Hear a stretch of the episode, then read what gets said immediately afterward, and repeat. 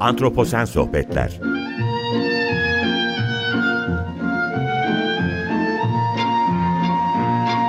Hazırlayan ve sunan Utku Perktaş Merhaba, iyi akşamlar herkese. Antroposen Sohbetlere hoş geldiniz. Ben Utku Perktaş. Bugün yine daha önceki haftalarda yaptığımız bir süredir ara verdiğimiz e, konseptimizle e, devam edeceğim. Yine bir kitap tanıtımı gibi olacak ama bir kitaptan yola çıkarak iklim krizini, biyoçeşitlik krizini konuşmaya çalışacağız. Kitabın ismi Domingo etiketiyle çıkmış Zaman ve Suya Dair. Neden bu kitabı çektim, e, seçtim ve neden e, bu konuyu konuşmak istiyorum ve kimle konuşmak istiyorum birazdan söyleyeceğim ama kısa bir giriş yapacağım. Çünkü bugün kıymetli bir konum olacak esasında bu kitap deyince konuşmam gereken kişi birazdan size söyleyeceğim. E, benim için önemli bir isim e, ve zannediyorum iyi de güzel de bir sohbet olacak. Bugün içinde olduğumuz biyoçeşitlik iklim krizleri çağında yaşadığımız en büyük zorluk çevre sorunlarının ciddiyetini net olarak algılayamamız. Genellikle baktığımız zaman ne olup bittiğini tam olarak algılayamıyoruz. Peki neden bu krizleri e, algılayamıyoruz ya da bu krizleri neden bir Berlin Duvarı'nın yıkılışı ya da 11 Eylül saldırıları gibi dönüştürücü bir olay olarak algılamıyoruz? Aslında böyle yapmamız lazım ama sebep açık. Temel sorunumuz zaman. Çünkü gerek iklim değişikliği gerekse biyoçeşitlik kayıpları aniden gerçekleşen olaylar değil. Yavaş yavaş gerçekleşen felaketler. Ancak yavaş algısının çoğumuzun anlayabileceğinden daha hızlı olduğunun farkında da değiliz. Bunun altını çiziyorum. Ve artık bunun farkında olmak zorundayız diyorum. E, bu kısa girişten sonra çok lafı uzatmayayım. Konuğum Zaman ve Suya Dair kitabının çevirmeni Kadir Yiğit Us. Kendisi çeviri bilim üzerine doktora yapıyor. Atılım Üniversitesi'nde bu dönem dersler de verecek ve e, bu konuyu en azından hani benim gibi ben biyoloji kökenli birisiyim. Hala da bununla ilgileniyorum ama bu alan dışından birisiyle konuşmak istediğimde aklıma Yiğit geldi. Çünkü çeviri çok iyiydi. Ben bu kitaptan çok etkilendim ee, ve kendisine rica ettiğim zaman da o da beni kırmadı ve programa geldi. Dolayısıyla lafı çok uzatmadan kendisini hemen e, yayına alıyorum. E, Yiğit hoş geldin. Çok teşekkür ederim. Bugün beni kırmadın ve buna vakit ayırdın. Hoş bulduk. Çok teşekkür ediyorum ben de sana davet ettiğin için. Ben de çok teşekkür ediyorum. E, eksik bir şey bıraktın mı seninle ilgili söylerken? Bıraktıysam lütfen tamamla kusura Yok bakma. yeterli teşekkür ederim. Tamam harika. E, şimdi bugün kitabı konuşalım dedim ama e, önce ben başlayayım ama senin de soruların vardı. Bugünkü birazcık bu programın akışı bildiğimizin dışında olacak güzel bir sohbet olacağını düşünüyorum. Yiğit'in de bana soruları vardı ama benim de Yiğit'e alan dışından birisi olarak bu kitabı çevirdiğinde özellikle içinde olduğumuz bu iklim krizi konusunda ne düşündüğünü özellikle de bu kitabı çevirdikten sonra sormak istedim ve bununla başlasam Yiğit ne dersin? Evet. evet. O zaman söz sende. Yani e, ben birazcık müsaaden hani kitaptan, kitabı nasıl aldığımdan ondan bahsetmek istiyorum. Tabii ki, tabii ki, tabii ki çok memnun olurum. Dinleyicilerimiz için de iyi olur. André Siner Magnusson'un kitabı. İnşallah adını doğru te telaffuz ediyorum. Kitap aslında İzlandaca yayımlandı. E, Domingo'dan işte çok sağ olsun kitapla da çok ilgilenen editörler e, bu kitabın İzlanda Edebiyat Merkezi'nden Icelandic Literature Center'dan e, destek almasını sağladılar. Böylesi bir destek de çıktı bu kitap. E, Andres Siner Magnusson'un e, edebiyat alanında çok farklı çalışmaları var daha öncesinden. E, kendisi eski İzlanda edebiyatı da çalışmış. E, bu e, Vikinglerin sagalarının en önemlilerinden işte İzlanda'da çıkan sagalar üzerinde de çalışma fırsatı olmuş. İzlanda e, halk kültürünü incelemiş. E, İzlanda'da edebiyat ödülü kazanmış Zaman Sandığı isimli kitabı. E, bunun dışından Dreamland'in belgeseli çekilmiş diğer bir eserinin. E, Mavi Gezegenin Hikayesi isimli kitabı da 30'dan fazla ülkeden yayınlanmış, fazla ülkede yayınlanmış, oyun olarak sergilenmiş. E, bu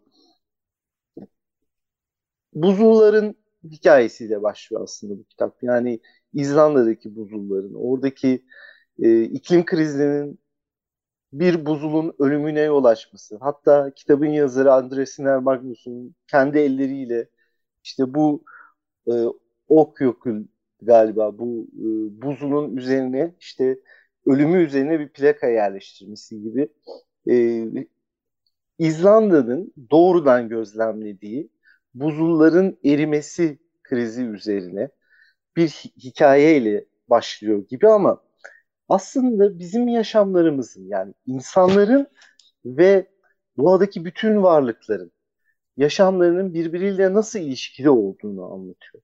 Ve temel bir sorusu da var. İşte bu soru benim de sorum.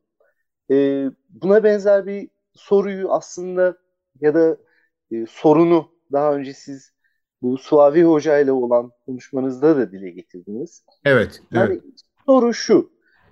İklim krizi nasıl anlatılacak? Bu soruyu inceliyor Andres Sinermarkos'un. Yani bu durumun ciddiyetini biz nasıl aktaracağız?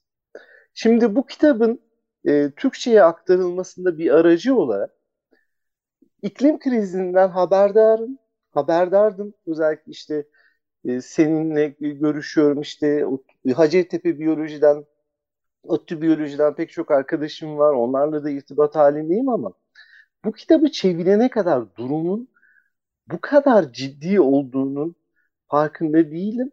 Ve aynı sorunu kitabı çevirdikten sonra ben de yaşadım. Yani durumun ciddiyetini ben nasıl anlatacağım? Yani burada seninle sohbet ederken benim de öğrenmek istediğim şey bu. Biz bunu nasıl aktaracağız? Tabii Andres Magnuson'un kendine özgü önerileri de var.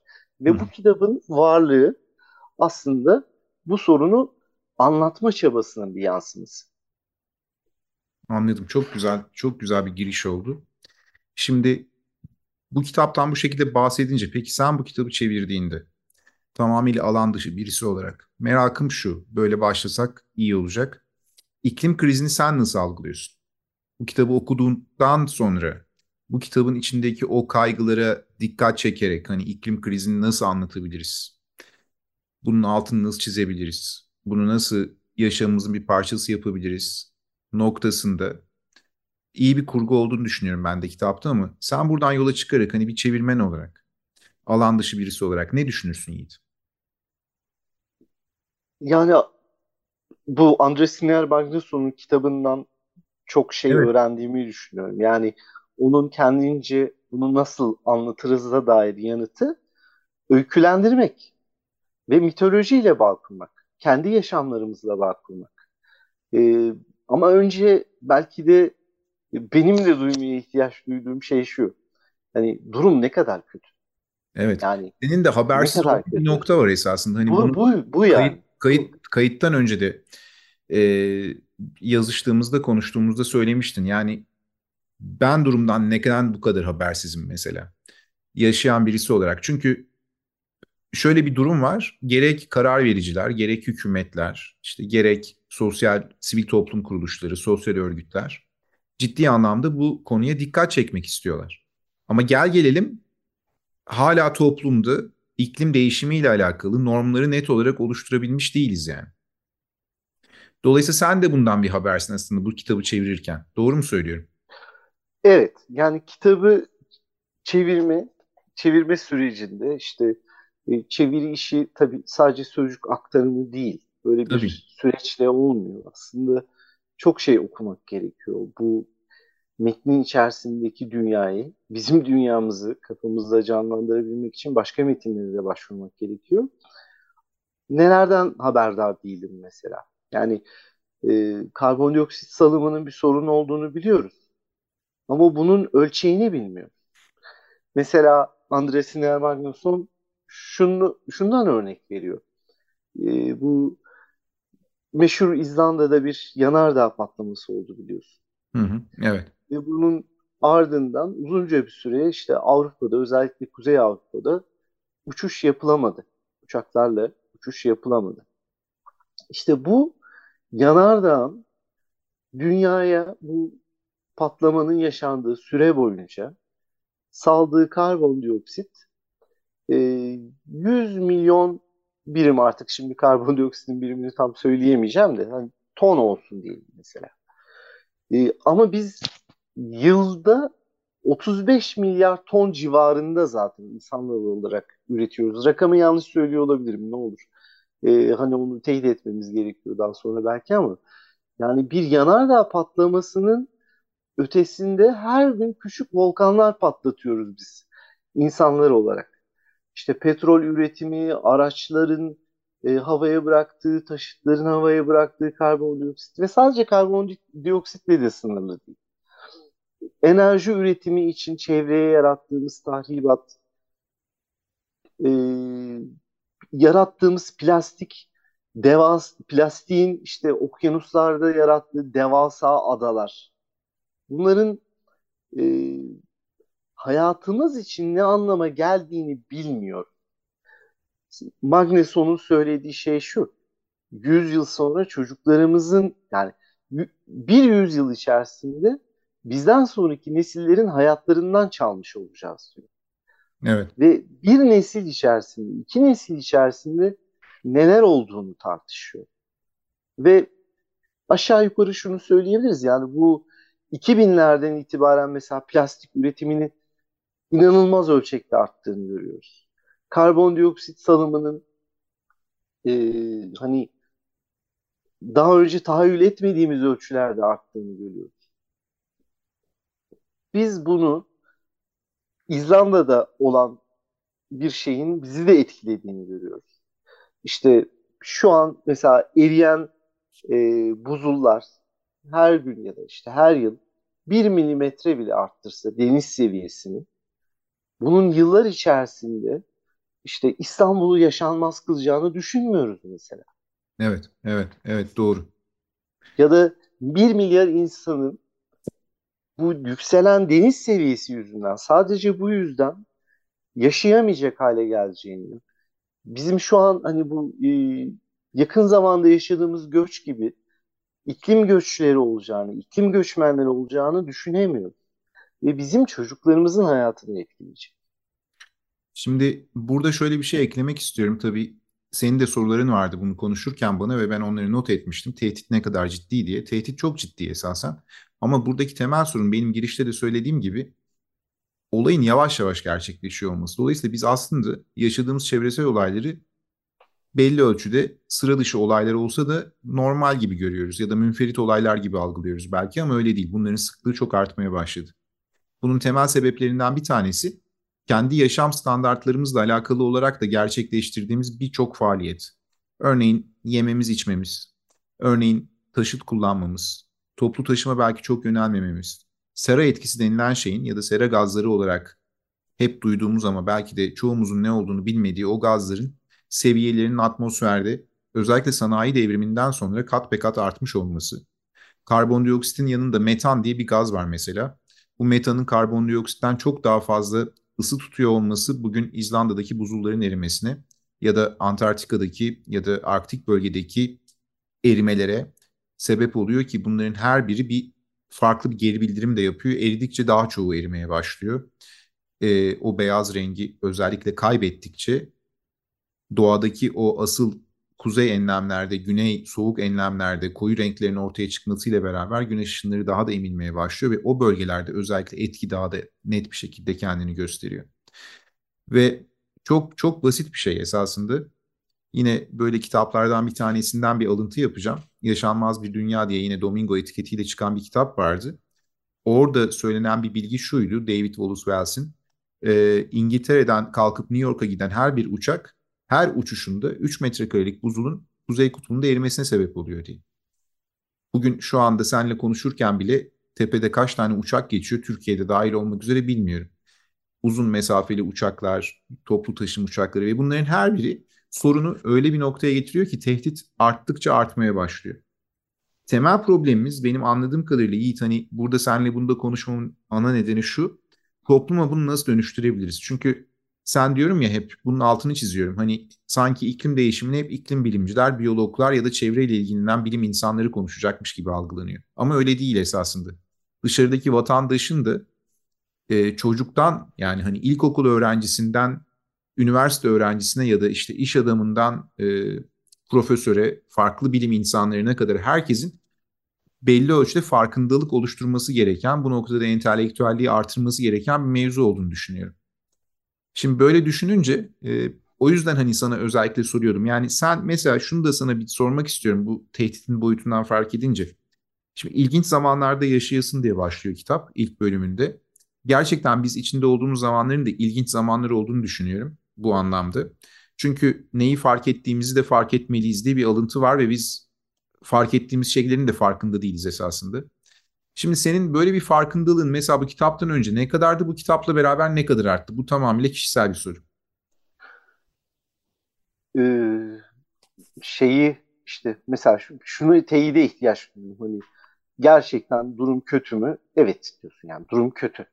Evet. Ben o zaman hemen bir şey yapmamı istiyorum. Yani e, ve bu e, şey de çok bunu savunuyor. Hani Magnusson da bunu savunuyor. Geçen Suavi Hoca ile konuşmanız da e, bu evet, yöndeydi. Antroposenle yüzleşmek. E, evet. Evet. Yani bir kere halkın bu konuları savunacak siyasetçiyi seçecek bilince ulaşması lazım diyor mesela. Yani bizim öncelikle e, siyasetimizin parçası olması lazım. Bunun gerektiğini görüyorum. Yani hiç vakit kaybetmeden yani bizim mesela Türkiye'de yaşayan bir insan olarak Türkiye'nin pek çok derdi var. Çok farkındayım bunların. E, dünyada çok büyük gelişmeler olduğunu farkındayım. İşte makine öğrenmesiyle gelişen yazılımlar mesela. E, endüstrideki gelişimler. Bunun istihdama etkisi. Bu konularda çabuk e, eylem alın yani bir harekete geçilmesi gerektiğini farkındayım. Ama iklim söz konusu olunca bu farkındalık sadece e, siyasetçiyle de yetmeyecek gibi. Yani bu konuları savunacak siyasetçiden önce e, halkın, halkların e, iklim krizinin ne kadar acil olduğunu bilmesi gerektiği düşünüyorum. Bu, bu farkındalığı yaymamız lazım. Ama bizim yaşantılarımız ki Magnusson da ona çok değiniyor. Her şeyi ekonomiyle ölçmeye yönelik. Yani e, alım gücümüz kadar evreni düşleyebiliyoruz bazen. Sorunları ekonomik ölçekleriyle algılayabiliyoruz. Ekonomiye iklim krizi ne kadar etki edecek? Yani deniz kirlenirse bu turizm gelirine ne kadar etki edecek? Yani bu şekilde düşünüyoruz. Bu bir sorun. Doğanın e, sadece ekonomik bir getiriden öte olduğunu söylüyor Magnusson. Bu farkındalığın yerleşmesi lazım. Bir örnek verebilir miyim? Yani kendi yaşa yaşadığım elbette, elbette, elbette. bir örnek vereyim. İşte bir taksiciyle bir yere gidiyoruz. İşte kentin sorunlarından bahsediyoruz. İşte ağaçların kesilip yol yapılmasında. Taksici e, şunu düşünüyordu. Yani ben bir yerden bir yere gitmek için daha çok benzin yakacaksam ağaçlar kesilsin. Benim için hiçbir önemi yok. Benim yaşamım önemli diye düşünüyorum. Anlatabiliyor muyum? Hani o süre boyunca harcayacağı para ve o yol boyunca kazanacağı gelirin e, yanında bir ağacın varlığı, bir canlı olması önemli en başta. Hı hı. Onun varlığı hiçbir önem arz etmiyor. Bu bitkiler için bitkilerle de sınırlı değil. Diğer canlılar için de öyle. E, diğer memeliler için öyle, diğer hayvanlar için öyle. Eğer bir ekonomik işlevi yoksa canlıların, e tabi buradan insanlara da geliyoruz. Canlılar bir önem arz etmiyor. Canlılık bir önem arz etmiyor. Bu insanın kendine, kendi doğasına yabancılaşması ile ilgili bir şey. Ve bu büyük ihtimalle işte o holosenin bitişi, Neolitik çağda insanın hayvanı yönetmesiyle beraber başlayan bir zihniyet. Buna buna da değinmişti. E, buna da değinmiştiniz o konuşmada. E, her şeyin bir işlevi olduğu sürece anlamı var. İnsanın ekonomik işlev atfetmediği bir şeyin önemi yok. Bu zihniyetin değişmesi lazım önce. Çok güzel. Ben önce bunun değişmesi gerektiğini düşünüyorum. Çok, çok Magnuson'un e, yazdıkları üzerine tabii. Şimdi sen tabii Suavi Hoca'ya atıf yapınca antroposen kavramı toplum içerisinde nasıl inşa edildiği konuşmuştuk aslında antroposenle yüzleşme sürecimizde. Ve orada yine senin bana sorduğun sorulardan bir tanesi yine bu kitap üzerine toplum sorunları çözecek kişileri iktidara getirecek kadar farkındalığı nasıl kazanır diye bir notum var evet. benim. Evet. Ee, buna şöyle cevap vermek istiyorum esasen hani kendi bakış açımla. Şimdi bir şey yapmaya çalışıyoruz. Yaptığımız şey şu. Çocukların hayatına iklim değişimi kavramını sokmaya çalışıyoruz. Ve burada ben iki tane söyleşiye de bu vesileyle atıf yapmak istiyorum. Bunlardan bir tanesi Daran Acemoğlu ile benim yaptığım, geçtiğimiz yaz aylarında yaptığım söyleşi. Bir de Gündüz Vasaf'la yaptığım söyleşi. Şimdi ikisinde de şöyle bir şey vardı. Daran Hocamoğlu ile ekonomi gözünden bakmıştık. Biyoçeşitlilik krizine, bu probleme, biyoçeşitliğe ne kadar ihtiyacımız var ve bu krizi nasıl algıladığını, ek, ekonomi denklemleri içine biyoçeşitliğin sokulması gerekliliğini tartışmıştık.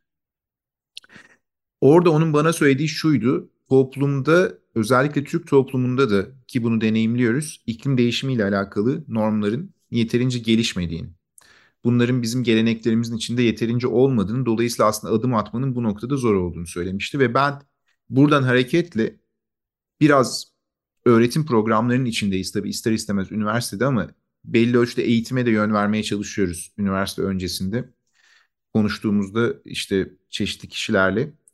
Orada benim gördüğüm şu, bizim ilk öğretimden itibaren çocuklara ne biyoçeşitlilik algısını doğru verebiliyoruz ne de iklim değişimi dediğimiz şeyi doğru kavratabiliyoruz bunu çocukluktan itibaren yapamazsak eğer galiba seçtiğimiz iktidarların da ya da tercih ettiğimiz iktidarların da demokratik süreçlerle seçimle yaparken tamamıyla bunları dışarıda bırakıyoruz.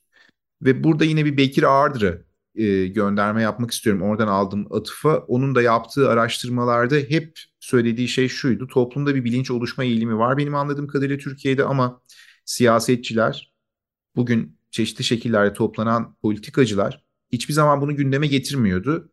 E, son dönemde bir örneğini gördük esasında getirmeye başladılar. Bu güzel bir sinyaldi. Ama bunu ben en azından toplum sorunları çözecek kişileri nasıl iktidar getirir, bunları nasıl karar verici yapar dediğimde bu işe eğitim aşamasından başlamak, çocukluk döneminden başlamanın gerekli olduğunu düşünüyorum.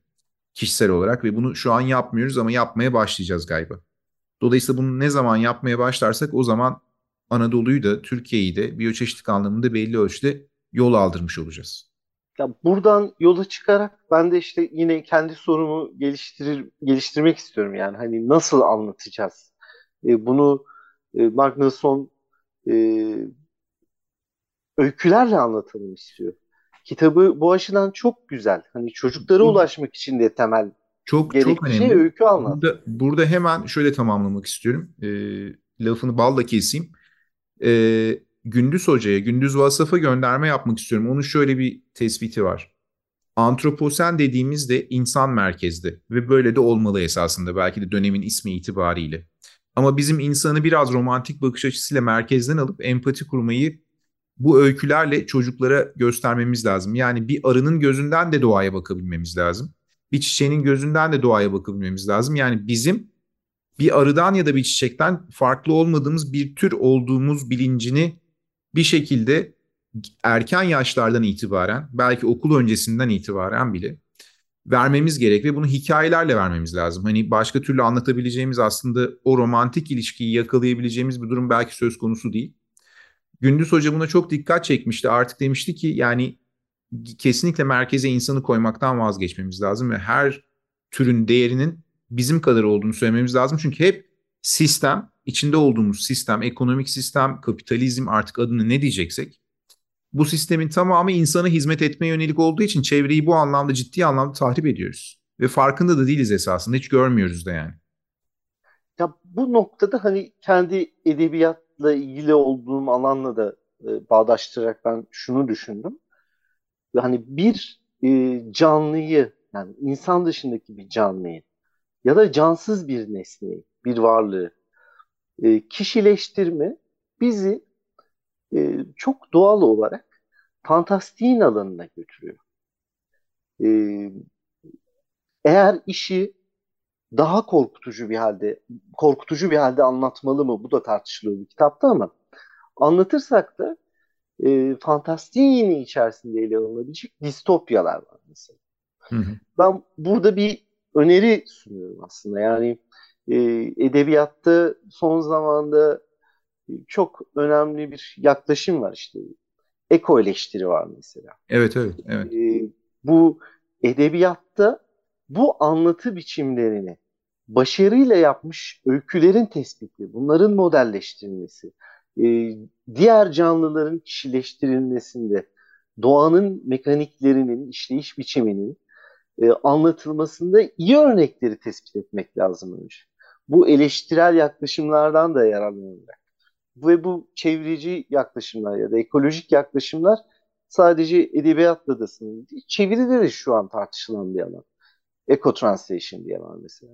Bunların e, daha yaygın olarak incelenmesi de bir şey olabilir. Yani uygun öykü modelini bulmak için e, neler yazılmış onlara da bakmak lazım diye düşünüyorum.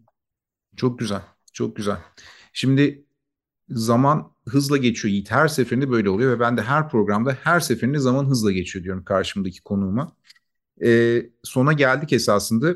Senin yine şöyle bir şeyin altını çizmiştin. Hep öyküleştirmekten bahsediyorsun ya. Evet. Bana demiştin ki sen iklim krizine dair evet. nasıl bir evet. öykü anlatmak isterdin. Evet. Şimdi Buna burada... yanıt istiyorum. Hani pro- evet, zaman evet. bitmeden istiyorum. Evet. Nasıl bir öykü anlatmalı? Sen abi, nasıl isterdin? Evet. Ben bir öykü anlatacağım. Hani Magnason bunu kendi hayatını nasıl bütün dünyaya bağladığını, nasıl bütün mitolojilere bağladığını göstererek yapıyor. Sen nasıl yapmak isterdin? Ben kuşlarla ilgileniyorum. Biliyorsun hani kuşlar benim hayatımdaki bilimsel akademik yaşamımda önemli bir bileşen. Özlem onlar birçok zaman. Farklı canlılarla ilgilensek de ama kuş yani. Ve kuşa başlarken, bunları başlarken 1997 yılında Türkiye'nin sulak alanlarını dolaşıyoruz. Beş önemli büyük sulak alanını uluslararası anlamda. Bunlardan bir tanesi de Sultan Sazlığı. Ve Sultan Sazlığı'nda Yay Gölü var. Yay Gölü'ne gittiğimde ilk defa hayatımda binlerce flamingoyu bir arada görmüştüm. Gölde su vardı.